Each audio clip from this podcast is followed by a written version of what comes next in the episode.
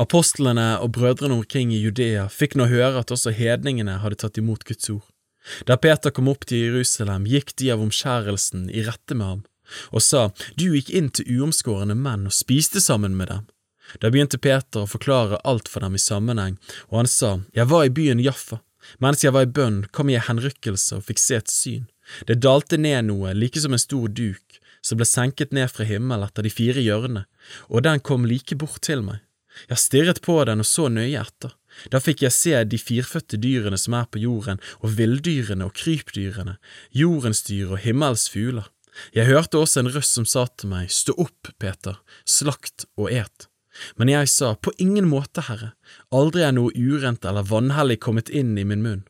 En røst fra himmel svarte meg da annen gang, Det som Gud har renset, skal ikke du kalle urent. Dette skjedde tre ganger, og så ble alt dratt opp til himmelen igjen. Og se, straks sto tre menn utenfor huset hvor jeg bodde. De var utsendt til meg fra Cesarea. Ånden sa til meg at jeg skulle gå med dem uten å tvile. Disse seks brødrene dro også med meg, og vi kom inn i mannens hus.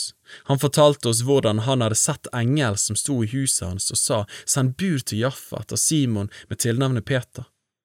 Han skal tale ord til deg som du skal bli frelst ved, du og hele ditt hus.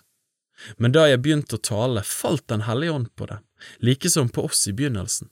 Jeg mintes da Herrens ord at han sa Johannes døpte med vann, men dere skal døpes med Den hellige ånd.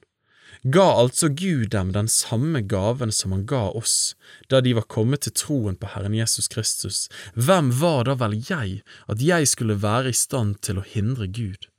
Da de hørte dette, slo de seg til ro, og de priste Gud og sa, så har da Gud også gitt hedningene omvendelsen til livet. De som var spredt på grunn av den trengsel som oppsto i forbindelse med Stefanus, dro omkring like til Fønikia, Kypros og Antiokia, men de talte ikke ordet til andre enn jøder. Men noen av dem, noen menn fra Kypros og Kyrene, kom til Antiokia, hvor de også talte til grekere og forsynte evangeliet om Herren Jesus. Og Herrens hånd var med dem, og et stort antall kom til troen og omvendte seg til Herren. Ryktet om dette kom menigheten i Jerusalem for øre, og de sendte Barnabas til Antiokia.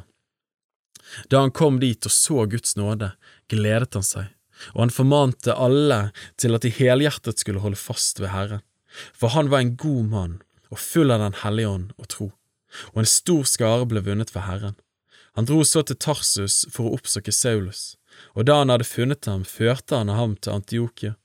Et helt år var de sammen i menigheten der og lærte en stor skare. Det var i Antiokia disiplene først ble kalt kristne. I de dagene kom det noen profeter ned til Antiokia fra Jerusalem. En av dem, som het Agabus, sto opp og varslet ved ånden at en stor hungersnød skulle komme over hele verden. Den kom da også under Claudius.